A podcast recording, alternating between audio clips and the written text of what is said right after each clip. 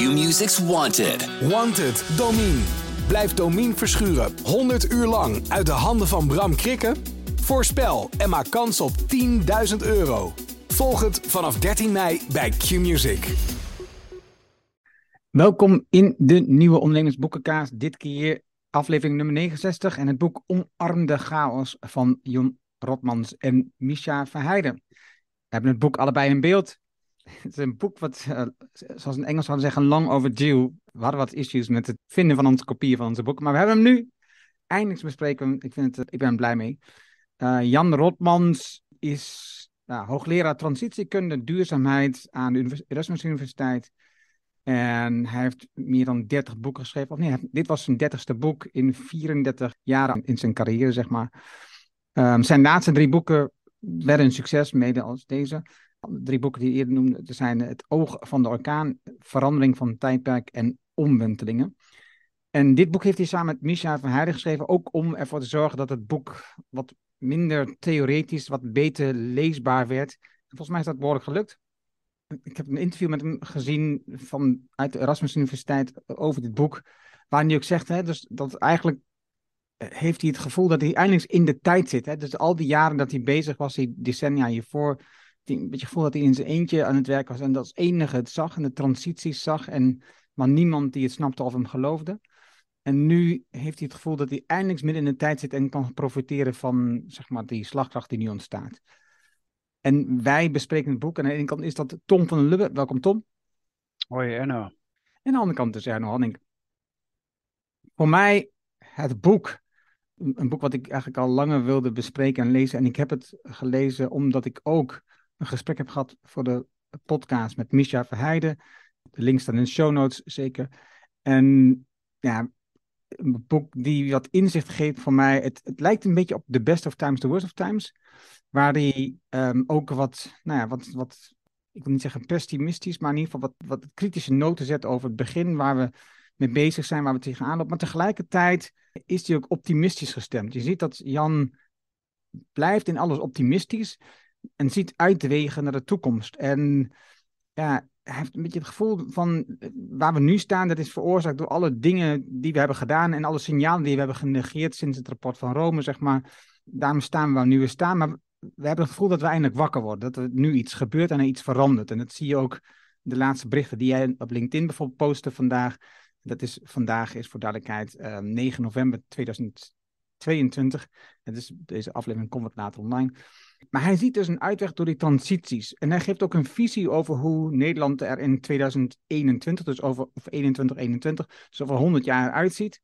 En, um, en, en misschien wel voor mij het meest mooie hoofdstuk is de transitie naar binnen, de reis naar binnen. Mijn korte impressie van het boek. Wat is jouw korte impressie, Tom? Ja, nou, ik had het boek ook al langer uh, eigenlijk op mijn uh, lijst staan, op mijn persoonlijke lijst staan.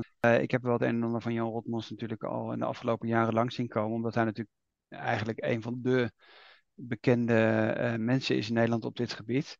Wat misschien nog even zinvol is te zeggen, is hij is oprichter van het Drift Instituut in Rotterdam, waar bijvoorbeeld ook Dirk Loorbach aan verbonden is. en dat zijn wel de mensen die eigenlijk enerzijds wel heel erg wetenschappelijk systematisch met, die, met transitie bezig zijn. of kantelen, dat is tegenwoordig natuurlijk ook iets wat je heel vaak uh, hoort.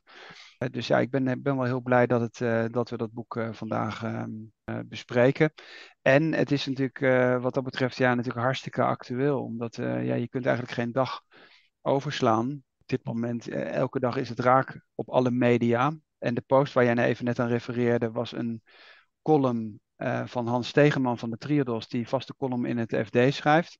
En die noemde het woord polycrisis. Of polycrisis of polycrisis. Dus meerdere crises die eigenlijk parallel lopen en allemaal min of meer voor hun tipping point zitten. En wat eigenlijk ook de start van het boek is.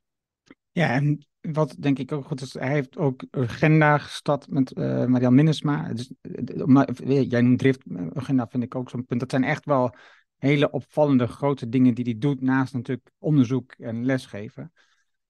Het boek hebben we ook nu weer gekregen van de uitgever, dus dank je wel daarvoor. Het boek kent zeven hoofdstukken en een inleiding. Ik noem ze even kort op. De onrust in onszelf en in de wereld. Transitielensen, anders kijken. Crisis als een kans. Ambtenaren kunnen het verschil maken. Hoe overleef je als bedrijf de volgende crisis? Een palet van transities, uitdagingen en oplossingen. Nederland in 2121 en de persoonlijke transitie, de reis naar binnen. Trap jij me af met de inleiding. De onrust in onszelf en in de wereld. Nou, wat hij eh, beschrijft is drie ontwikkelingen. Ik ben op bladzijde 10.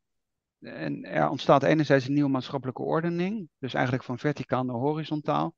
Nou, de mensen die uh, vaker naar ons luisteren, die, uh, die weten wel wat dat betekent. Hè? Dus decentrale bottom-up structuren. En dus dat we ook bij zelforganisatie en allerlei andere burgerberaden, et cetera, zien. ander, ander fundament van een nieuwe, dus een nieuwe economie, decentraal, digitaal, duurzaam, lokaal en circulair. En er vindt een machts, machtswisseling plaats, een verschuiving van de gevestigde destructieve macht naar innovatief transformatieve macht. En dat is dus dat positieve waar jij net al aan refereerde. Een nieuwe macht die het vermogen heeft om een verdeling van de hulpbronnen te veranderen. En dat is eigenlijk wat ik wel prettig vind aan het boek. Hij blijft optimistisch. Hoewel ik me heel goed kan voorstellen dat bij de getallen en de wetenschappelijke studies die je elke keer ziet, dat uitermate moeilijk is. Dus daar heb ik wel grote bewondering voor. Dat is de, dat is de aftrap. Ja, ja, hij, geeft hier een blik van de chaos waar we voor staan met cijfers en ideeën en indrukken. En wat in het hoofdstuk naar voren komt, is, het, titel zegt al onrust, maar die, die, onzekerheid over waar de toekomst toe, toe, gaat, die maakt ons erg onrustig. We verliezen de stabiele omgeving, de, de gevestigde orde wordt omvergeworpen, um, actief of passief. En daarmee ontstaat heel veel onzekerheid bij onszelf, heel veel onduidelijkheid. En dat is eigenlijk waar we altijd als mens en ons brein op zoek is. Nou, nou, wat is de duidelijkheid voor de volgende stap die we moeten nemen? En die is er gewoon niet. Wat misschien nog wel relevant is, is om te zeggen, omdat jij al hebt gezegd dat het meest interessante hoofdstuk voor jou die persoonlijke transitie is. Dat hij helemaal in het begin zegt, op bladzijde 12. Hij zegt van nou, er zijn een hele hoop verschillende crises. Maar de diepste crisis is, is van de systeemcrisis is een morele crisis. En ik denk dat hij daar een heel belangrijk punt aanspreekt. Uh, en dat is in principe ook nu de aftrap om naar de hand de cirkel weer rond te maken, omdat het laatste hoofdstuk nou juist is van ja, die reflectie op van ja, waar zijn we in hemelsnaam als mensen mee bezig en waar ben ik als individu mee bezig. Ja, wat hij nog mooi doet in het onderwerp, in het hoofdstuk, is dat hij een linkje maakt met de tussentijd. De tussentijd van het boek van onder andere van Daniel Brouw, wat we eerder besproken hebben. Waarbij dus eh, je, je gaat van het oude naar het nieuwe. Je, je weet dat je van het oude naar het nieuwe moet. Er is geen ontkomen aan. En daarmee beland je automatisch in de tussentijd, de overgangstijd, die heel onzeker onduidelijkheid is. Maar wat er van duidelijk is, is je moet door die tussentijd. Er is geen ontkomen aan. We hebben geen keuze. Dit is waar we dan moet, doorheen moeten. En dus heb er maar mee te dealen en zorg maar voor dat je het gaat organiseren met jezelf. Oké, dan heeft hij het over de transitielens. Hij noemt er drie en dat gaat over anders kijken. Anders kijken naar de wereld, de economie, de manier we dingen organiseren. Waar hij de meeste uitleg geeft is over de transitielens, de tijdsverschil. Hoe we van een duurzaam systeem naar een voorontwikkelingsfase via dat kantelpunt, dus die tussentijd, naar de um, doorontwikkelingsfase komen. Dat heeft hij een mooie soort S-diagram die we vaak hebben geschetst. Hè? Dus je begint laag, je gaat omhoog en dan eindig je weer vlak. Um, laat zien, maar tegelijkertijd laat hij ook zien dat eigenlijk zo vlak als het in het, in het diagram eruit ziet, is het natuurlijk niet. Het is een hele grillige overgang telkens weer. Je gaat telkens van een piek naar een dal. En dus dan heb je eh, een, een, een regering die, waarbij de minister opzegt, dan raak je in een dal. Dan komt er een nieuwe minister, uh, weet het, een, een, president die het veel beter doet. En dan zie je dat er weer in een piek komt. Dus, en dus het blijft heel grillig, dit soort dingen. De COP27 is, is nu net geweest. En ja, dan zie je weer hoop. Maar je ziet ook heel veel dingen die niet hoopvol zijn. En dus, dus het blijft een grillig aspect. Uh, naast dat, dat tijdsverschil, die, uh, die lens, heeft het ook over de schaallens. Um, micro, meso, macro. Nou, dat, is, dat kennen we allemaal, dat snappen we wel. En dan komt die straks ook in terug als we kijken naar bijvoorbeeld de overheid. En als we kijken naar de verschillende transities. Daar zit de overheid ook tussen. En dan heeft hij de sturingslens, waarbij het helpt wat hij al zegt, we weten moeten chaos. En je moet gewoon jezelf veranderen, de organisaties veranderen, waardoor we veel meer navigerend worden en doelzoekend worden, in plaats van heel erg doelgericht zijn. Dus we weten niet wat het doel is eh, vaak. Dus moet je niet zijn, ik wil doelgericht zijn, je moet gewoon doelzoekend worden en gaan kijken wat gebeurt er precies als we die kant ongeveer opgaan in die tijd van chaos waar we dan nu in zitten. Crisis als kans. Ja, dat is in principe uh, natuurlijk meteen ook de link naar de titel van het boek Omarm de chaos. Hij zegt elke keer, en dat is een beetje zijn insteek, elke crisis is weer iets dichter bij dat kantelpunt. Uh, dus omarm, uh, wees maar blij als elke keer een crisis is. Dat is in principe zijn, dat, dat is dat herframen van een crisis als iets wat negatief is, dat draait hij om en zegt nee, een crisis is positief. Elke crisis brengt ons dichter bij het algemene besef dat we, dat we het anders moeten doen. En bij elke crisis zijn er weer een paar mensen die overtuigd worden dat dat een hogere prioriteit moet hebben. Dus hij zou bijvoorbeeld zeggen van, kijk naar wat er de afgelopen zomer is geweest met betrekking tot die hittegolf. Met die hittegolven en overstroming en weet ik wat allemaal. Elke overstroming leidt ertoe dat weer een paar procent meer mensen zeggen: jongens, we moeten die, we moeten die klimaatcrisis serieus nemen. Dus dat is in principe wat hij, wat hij hier doet. Wat ik wel spannend vind, is dat hij toch wel. Er zit toch nog een, soort intellectuele extra laag in. Dus hij verwijst bijvoorbeeld ook naar Peter Sloterdijk, et cetera. Maar hij zegt bijvoorbeeld ook tijd. Hij legt dat nog even uit waar het vandaan komt. Dus dat de Grieken twee woorden hadden: chronos, dus de lineaire tijd, de kloktijd, en kairos, de tijd voor reflectie en verdieping. Dus dat vind ik wel, dat maakt het ook wel weer extra prettig om te lezen, omdat je, omdat je merkt, oh, er zitten een paar, er zitten een paar lagen nog in. En uh, zoals we wel vaker zeggen, in het notenapparaat wordt er dan ook verwezen naar die boeken. En dan laat hij in principe natuurlijk zien, dan duikt hij daarin. Dingen die, die we natuurlijk wel vaker besproken hebben, of dat nou de financieel-economische crisis is, of de wereldschuld, et cetera, et cetera. Ik denk dat we daar niet al te veel uh, over hoeven in te gaan en over vervuiling. Uh, alleen, ja, de, de morele crisis komt hij dan op terug. We zijn slaaf geworden van, van ons eigen systeem. Hij heeft het ook nog even over homo economicus. Daar hebben het ook wel vaker over gehad. Dat natuurlijk dat lineaire winst maximaliseren, et cetera, et cetera. Dat dat natuurlijk het, het grote probleem is. Hebzucht, ongekende groei, disbalans die op een hele hoop aspecten is. Dat is bijvoorbeeld wat ik hier op bladzijde 62 heb. Disbalans tussen mens en natuur, disbalans tussen mensen onderling, uh, et cetera. En dan gaat hij ook nog in op allerlei eigenlijk blinde vlekken die we hebben. En die, maakt hij eigenlijk uh, zichtbaar in, in dat hoofdstuk. Ja, voor mij wat hierin staat, als ik kijk naar linken naar ons, de dingen die we eerder besproken hebben, je ziet hier, zeg maar, in het begin van het hoofdstuk heeft hij over het Anglo-Amerikaanse denken vooral. Hè, dus, dus ultieme focus op groeien, groeien en winst voor de aandeelhouder. Naar het anders organiseren, meer het Oosterse, waar het, of het Rijnlandse, waar we ook al hebben gehad.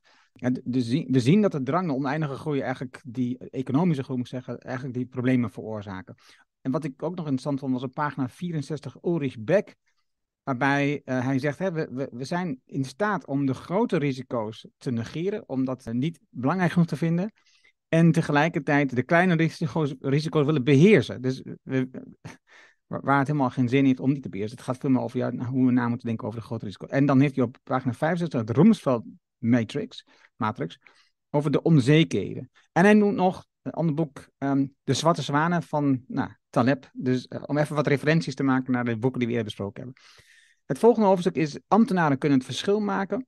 Ook daarin zie je weer zo'n oneindige optimisme bijna. Omdat hij met heel veel projecten, hè, dus als transitie nou, professor, maar ook met, met drift, met zijn bedrijf, eh, met organisaties waar hij werkt, heeft hij natuurlijk heel veel met overheden te maken gehad, met projecten die hij heeft gedaan. Waarbij heel veel projecten uiteindelijk zijn geannuleerd, in de laag gekomen of wat dan ook. Maar hij blijft optimistisch. Hij zegt, de overheid moet zichzelf opnieuw uitvinden. En daarbij hebben ze de sleutel tot het succes in de handen. Ze zijn in staat om de juiste projecten te stimuleren en te ondersteunen. En ze kunnen ook nu kaders creëren voor de nieuwe toekomst, voor de betere toekomst. De ambtenaar speelt daar dus een grote rol in en die kan dus een aanjager zijn van die vernieuwing. Als die de juiste bedrijven, de juiste projecten hartelijk ondersteunt. In plaats van bijvoorbeeld op lokaal of regionaal niveau projecten te eindeloos bespreken en eindeloos herhalen totdat het niet meer van toepassing is. En allerlei voorwaarden en voorwenselen in te brengen, waardoor zeg maar, het effect van het project weg is. In plaats van blijven praten en blijven experimenteren. En hij heeft zelf ook gezegd, en ik hoop dat dat in dit hoofdstuk, niet helemaal zeker meer, dat hij zelf niet meer deel uitmaakt van stuurgroepen. Want stuurgroepen zijn eigenlijk de dood in de pot van experimenten. De stuurgroepen willen niets anders doen dan controle krijgen. Terwijl bij dit soort veranderingen is er geen controle. En dus dat moet je gewoon willen loslaten. Er zijn in dit, in dit hoofdstuk, door het boek heen, beschrijft hij echt hele mooie voorbeelden van um, experimenten in de zorg, experimenten in de buurt. die gewoon, eh, ja, waarvan je zegt, nou, dat, dat moeten we toch doorzetten. Of overheid die anders met, met regels omgaan, die de regels loslaten. Dat kunnen we toch gewoon doorzetten en bij veel meer um, plekken doorvoeren. Nou, ik, ik denk, wat ik al zei, de, de optimist, Jan, die zie je in dit hoofdstuk echt heel erg goed terug. Ja. Wat overigens misschien wel even nog een heel praktisch voorbeeld is op dit moment. Dat komt na de hand bijvoorbeeld ook terug. Maar dat zie je bijvoorbeeld dat gemeenteambtenaren op dit moment ook op social media standpunten innemen. Waar ze eigenlijk de gemeente dwingen veel sneller uh, uh, allerlei stappen te zetten dan de centrale overheid. Uh, dus dat zag je bijvoorbeeld op dit moment ook in Nederland, dat een aantal gemeentes samenwerken en, en bijvoorbeeld veel verder al gaan in allerlei, allerlei thema's dan de centrale overheid. En daardoor weer de centrale overheid onder druk zetten. Dus dat gaat over reclames voor fossiele brandstoffen en weet ik wat allemaal. Dus het is, en dat beschrijft hij na de hand ook weer bijvoorbeeld over Amerika. Dus ook weer dat counterintuitive. Hij zegt van ja, nee, dat Trump juist verkozen werd. Dat lijkt weliswaar heel negatief, maar er is nog nooit zoveel eigenlijk uh, tegenreactie gekomen. En het heeft een enorme versnelling gekregen, weer op lokaal niveau, omdat mensen precies tegenovergestelde deden van wat Trump eigenlijk wilde. Dus het is, dat is een beetje, en dat is in dit hoofdstuk ook. Dus in eerste instantie zeggen van ja, nee, maar de overheid of die ambtenaren, dat is toch allemaal zo langzaam. En hij draait het dan om en zegt: Nee, je moet wel heel goed kijken. Als je nou een laag dieper kijkt, dan zie je nou juist dat die ambtenaren eigenlijk druk uitoefenen en, en eigenlijk eh, bottom-up. Dus eigenlijk uh, een veel, veel positievere invloed hebben dan dat we misschien van afstand soms denken. Ja, nou maak ik een voorschotje om even die koppeling te maken met het hoofdstuk over die, die transities. Waarbij het daar over de bestuurlijke transitie gaat. En waar, waarbij die dus in de toekomst vooral dus iets ziet in het lokale en de regionale. Dus, dus de lokale overheid en de gemeentelijke overheid. Maar de provinciale en de landelijke overheid dus eigenlijk geen rol meer heeft. Nauwelijks nog. Maar dat dus één niveau hoger tilt en dat op Europees, Europees niveau ligt. Want je moet gewoon sommige dingen als veiligheid en um, vrede en dat soort Dat, moet je dus, dat kun je niet lokaal organiseren. Dat moet je dus gewoon doen, ook met de landen om je heen. Een voorschotje. Het volgende hoofdstuk is hoe overleef je als bedrijf de volgende crisis? Aan jou. Ja, dat vond ik natuurlijk als ondernemer hartstikke leuk hoofdstuk om te lezen. Dat kon je natuurlijk, uh, is natuurlijk een open deur. Uh, wat wil ik erover zeggen over dat hoofdstuk? Eigenlijk twee dingen. Ik zal daar iets zeggen welke bedrijven aan bod komen. Maar ik dacht van, dit is eigenlijk... Het, ik vond het een beetje een vreemde eend in de bijt, dat hoofdstuk, tussen alle andere hoofdstukken. Uh, omdat het in één keer heel erg over bedrijven gaat en heel specifiek, een soort case study-achtig hoofdstuk is het. En toen dacht ik van, nou, maar toch eens kijken. Hij verwijst namelijk aan het einde van het boek, verwijst hij naar een boek uh, van uh, wat hij samen heeft geschreven met Dirk Loorbach. We hebben het over het Drift Instituut gehad. En dat het boek is Ondernemen in Transitie, Bedrijfstransities als innovatief model voor duurzaam ondernemen. Nou, zal ik wel even, denk ik, met Dirk Loorbach contact opnemen en vragen of dat boek een verdieping is van dit hoofdstuk 4. Omdat dat, omdat dat aan zich zo'n spannend hoofdstuk is dat je er eigenlijk een heel boek van kunt maken. En ik vermoed dat dat, dat, dat, dat boek is. Welke bedrijven komen daar aan bod? Ik noem ze even heel kort op. En uh, dat is meer een soort teaser om, om, uh, voor de ondernemers. Hè, want deze, dit is de podcast die door de ondernemer gepubliceerd wordt. Uh, IKEA, Rabobank, ABP, Shell en KLM. Ja, en wat doet hij? En dat vind ik op zich ook wel weer interessant. Hij is zo ondiplomatiek als maar wat. En enerzijds wordt hij door die bedrijven steeds uitgenodigd. Maar hij gaat er dan echt met gestrekt been in. En daar worden elke keer weer voorbeelden genoemd. Uh, waar zo'n meeting start bij zo'n bedrijf en hij zegt van ja, kun jij dat, heb jij kinderen? Kun je eigenlijk überhaupt ten opzichte van je kinderen verantwoorden waar jij als energiebedrijf mee bezig bent?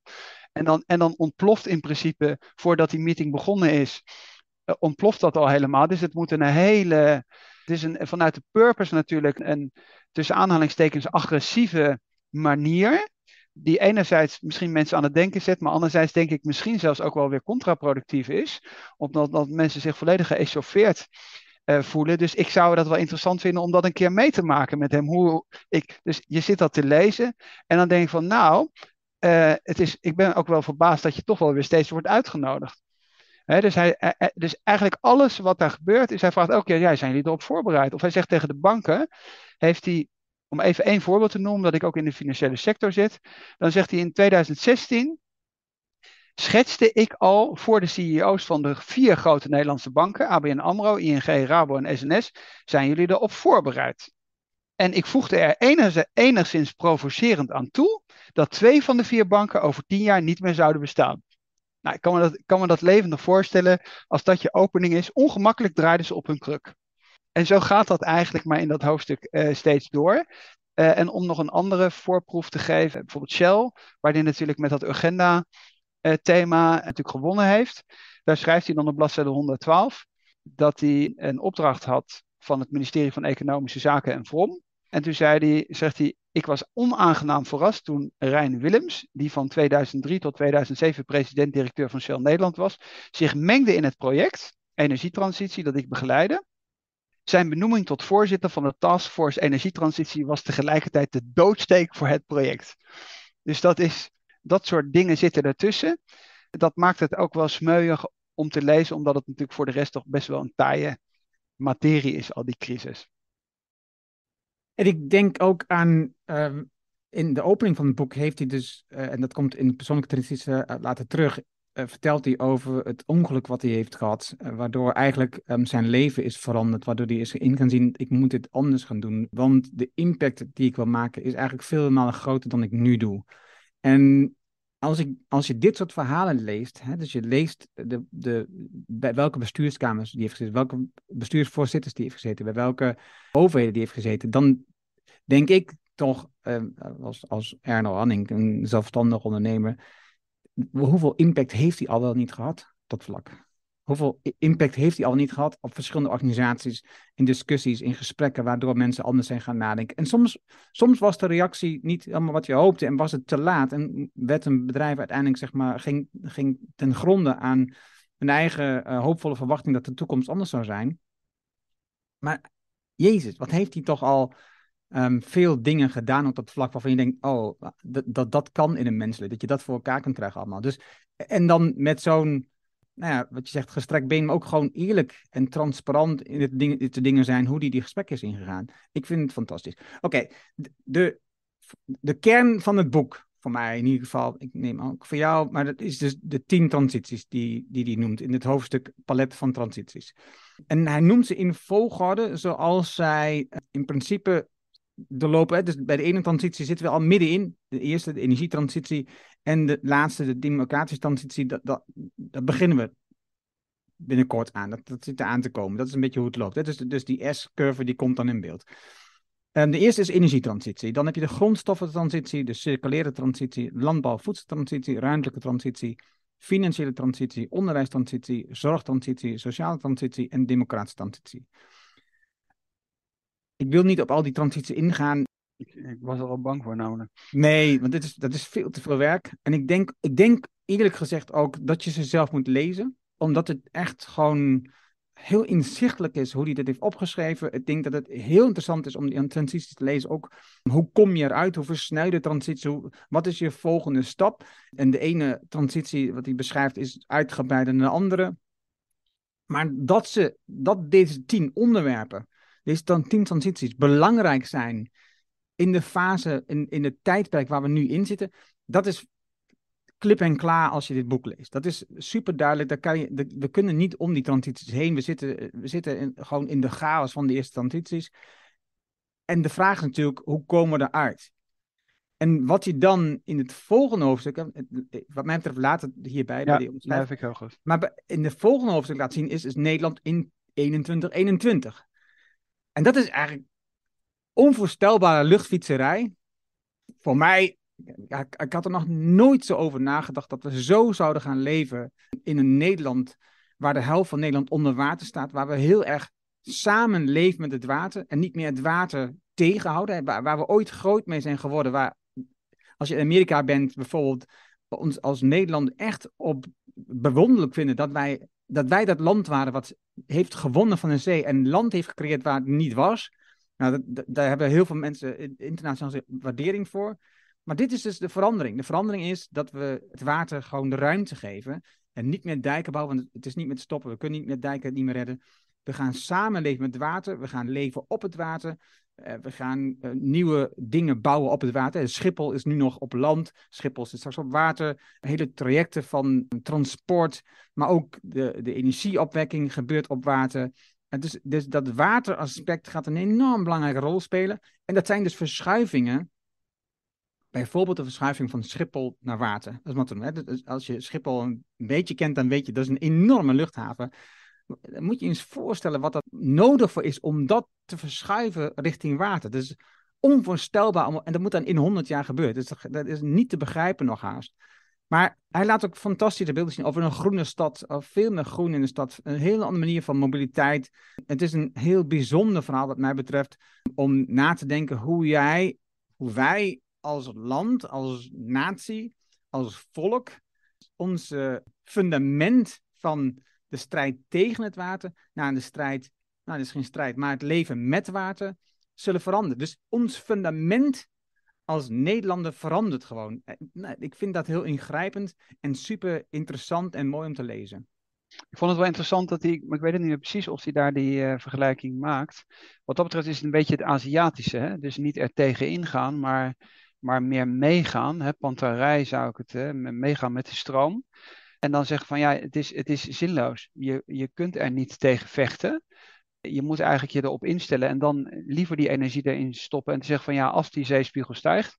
En dat vind ik dan wel, eh, ik zou zeggen, juist dat hoofdstuk heeft heel veel goede plaatjes. Dus bijvoorbeeld op, 20, op de pagina 224 laat hij, ik zal het even in beeld houden, heeft hij dus Nederland laat hij zien hoeveel van Nederland onder water staat. Uh, bij welke temperatuurstijging en of dat een half meter of een meter of weet ik veel wat is. En dan zie je gewoon dat er een steeds groter gedeelte weer onder water staat. En dat is natuurlijk een heel groot gedeelte hebben we in het verleden ingepolderd. Hè. Daar komen ook al die molens vandaan. Of een heel groot gedeelte van de molens vandaan. Uh, ja, en dat, en dat wordt dus weer omgedraaid. Dus je gaat die polders die je ooit droog hebt gepompt, die ga je weer vol laten lopen. Omdat het anders gewoon niet, ja, niet te doen valt. Je krijgt dat helemaal niet bij een stijgende zeespiegel, krijg je dat niet voor elkaar. En wat misschien nog wel interessant is, is dat in dit hoofdstuk heeft hij samengewerkt met, even de naam kwijt, hij, heeft, hij noemt het wel in het boek, met een extern bureau. En dat zijn eigenlijk platen, plaatjes die je kent uit, uit de architectuurwereld, waar uh, als het om grote, om grote prijsvragen, et cetera, uh, gaat, uh, dit soort dingen altijd als afbeeldingen zijn. Dus hij bijvoorbeeld hier, ik laat nu even een afbeelding zien, waar bijvoorbeeld mensen aan een boulevard zitten meedijnende stadspolders noemt hij dat. En dan zie je dus huizen op die palen staan. Wat we overigens ook nog steeds kennen, bijvoorbeeld vanuit bepaalde landen in Azië, et cetera. Waar dan ook die vissers die palenhuizen hebben gebouwd. En wat natuurlijk overigens vroeger bij ons, prehistorisch, waren er ook woningen die op palen eh, stonden. Die af en toe nog gevonden worden als men ergens eh, aan, het, uh, aan het graven is. Dus dat, dat hoofdstuk is heel visueel om nog even een ander plaatje te laten zien, dan heeft hij Nederland bijvoorbeeld ook min of meer laten zien. En dan zegt hij van ja, die kust, daar komt een soort lange lijn van waddeneilanden, noem ik het maar even. En daarachter is gewoon een heel groot gedeelte is gewoon, is gewoon water. Wat ik dan wel weer interessant vind is, van ja, wat gebeurt er met de steden in de Randstad? Is Den Haag dan, waar ik dan op ben gegroeid, staat het dan helemaal onder water? Wat is met Amsterdam? Hoe, hoe, hoe moet ik me dat voorstellen? Dus het is, ja, het is, het is interessant om je met, daarmee te confronteren. Want hij laat wel dat plaatje zien van Amsterdam, waar die daken allemaal groen zijn. Maar dan denk ik van ja, maar Jan, als dat water nou zoveel gestegen is, dan staan die huizen toch allemaal onder water. Ja, en dat, dat zal denk ik ook gebeuren, ja. Maar een interessant hoofdstuk. Uh, eh, 100%. En ook wel grappig, want dat, dat beeld van Nederland hè, dat is ook weer is gekanteld. Hè, dat is niet rechtop. Het is ook een, een kanteling heeft hij daarin gemaakt. Dus dat zet je gelijk. Dus de beeldvorming met het hoofdstuk is, heeft hij goed georganiseerd. Dus dat je, want als je het alleen gaat uitleggen, je hebt geen afbeelding, dan is het heel moeilijk voor te stellen. Maar de beeldvorming is heel erg aantrekkelijk, waardoor je zelf ook in je hoofd een beeld krijgt van, oh ja, daar gaan we naartoe. Overigens, in, dus vanuit de, conferentie, eh, wat is het, POC 227, um, zien we nu dat de 3 graden uh, temperatuurstijging waarschijnlijk al niet haalbaar is. Nou, dat plaatje wat je net liet zien van die waterspiegelstijging, die zeespiegelstijging, die, dat, dat wordt alsmaar realistischer en realistischer. Het laatste hoofdstuk. Jouw hoofdstuk. Nou, waar het mij om gaat, en ik ga niet, ook niet die hele transitie die hij beschrijft, want het gaat in eerste instantie, het gaat vooral ook over zijn eigen transitie. Het gaat ook over een programma wat hij heeft, waarin je wat meegenomen transitie, wat hij, wat hij organiseert met iemand samen, dat, dat, is allemaal niet zo belangrijk. Voor mij is dit hoofdstuk, um, en ik had het met Misha Verheijden ook over in onze podcast, is de koppeling met de IDG's, de Inner Development Goals. Het is als we willen werken aan die grote veranderingen in de wereld, als we willen bijdragen als mens, als gemeenschap aan die grote veranderingen waar we voor staan, die transities zoals hij dat noemt, dan zit er niets anders op dan aan onszelf te werken we moeten die persoonlijke transitie door. We kunnen niet vast blijven houden aan hoe het was. We kunnen niet vast blijven houden aan het verleden. En dat willen we als mens heel graag. We willen, we willen graag vasthouden aan het bekende. We zijn eh, bang voor het onzekere. Maar als we die, als we die stappen maken en we hebben geen keuze, eh, de zeespiegel zal stijgen, de temperatuur loopt op, ondanks um, nog steeds mensen die het ontkennen. Dit is gewoon, hè, de 90% van de wetenschappers is het aangetoond, dit gaat gewoon gebeuren. Dus als we daar iets aan willen veranderen, als we daar een, iets van willen organiseren en willen bijdragen dat er een betere toekomst voor de toekomstige generaties is, voor de volgende zeven generaties, dan hebben we zelf iets te doen. Dat is onze eigen transitie. Dat vraagt ontwikkeling, dat vraagt aandacht, dat vraagt tijd. En daarom vind ik dit hoofdstuk zo interessant, omdat het dus laat zien, als laatste hoofdstuk van het boek, dat eigenlijk de reis daar begint. Het begint eigenlijk bij je eigen transitie. Hoe zorg je ervoor dat je transities overleeft en vooral ook beleeft en dus gewoon bewust meemaakt? Is dat je weet welke transitie je zelf moet doormaken om die chaos en die onzekerheid toe te laten bij jezelf. Om het toe te laten zodat je werkelijk die stap kunt maken. Nou, dat was um, mijn uh, pleidooi voor dit hoofdstuk. Ja, wat ik natuurlijk, uh, ik ben natuurlijk een grote fan, omdat ik natuurlijk al heel lang ook in het buitenland woon. Hij noemt op bladzijde 261 nog even Peter Sloterdijk. Nou, er staat een hele rij boeken hier uh, in de kast van Peter Sloterdijk, Duitse filosoof. Fantastische spreker overigens ook. En het boek wat hij noemt is Du moest dein leven ändern. En dat is natuurlijk, daar zit ook een hele filosofische, intellectuele context in, dus die zelfreflectie. En dat onderscheidt ons natuurlijk uiteindelijk van de andere uh, human beings. Dat we eigenlijk in staat zouden moeten zijn te reflecteren. Uh, alleen dat, dat natuurlijk veel te weinig doen. En waar hij ook nog even naar verwijst, ik weet niet of mensen dat kennen, er is een serie interview, interviews van uh, Roek Lips, heet hij die in de trouw gepubliceerd werden, waar mensen ook, waar dit elke keer het centrale thema is. Dus die, dus die reflectie, dat is misschien ook wel interessant om daar een linkje naar te zetten, omdat Roek Lips bijvoorbeeld dan mensen interviewt als Edi uh, Korthals Altus, dat is die diplomaat die op een gegeven moment tegen de wapenwetloop de handdoek in de ring heeft gegooid, maar ook andere mensen. Dat is wel interessant. En de laatste opmerking die ik wilde maken is, maar dat is meer een soort bijna in, intern thema uh, voor de boekenlijst. Hij noemt de bladzijde 281, noemt hij het boek van Jeroen Smit. Hij schrijft het Unilever en de eenzame strijd van, uh, van Polman. En het boek heet Het Grote Gevecht en het eenzame gelijk van Paul Polman. En dat is misschien ook nog wel een keer een interessant boek voor ons, omdat natuurlijk je daar de combinatie hebt van enerzijds Unilever en Polman. Dus je hebt die combinatie van een persoon die probeert in de context van het bedrijfsleven iets te veranderen. En dat lukt dus gewoon niet. En dat zien we elke keer weer opnieuw. Dat zien we bij Danone, dat zien we bij Unilever, dat zien we bij andere, bij andere grote bedrijven. En eigenlijk die eenzame strijd en ook die, die wanhoop binnen de bedrijven dat te veranderen, dat dat heel erg moeilijk is. En dan anderzijds, wat hij nu ook beschrijft, op basis ook van zijn eigen ervaring met Urgenda, maar al die klimaatrechtszaken die overal worden aangespannen, zijn er inmiddels honderden over de hele wereld.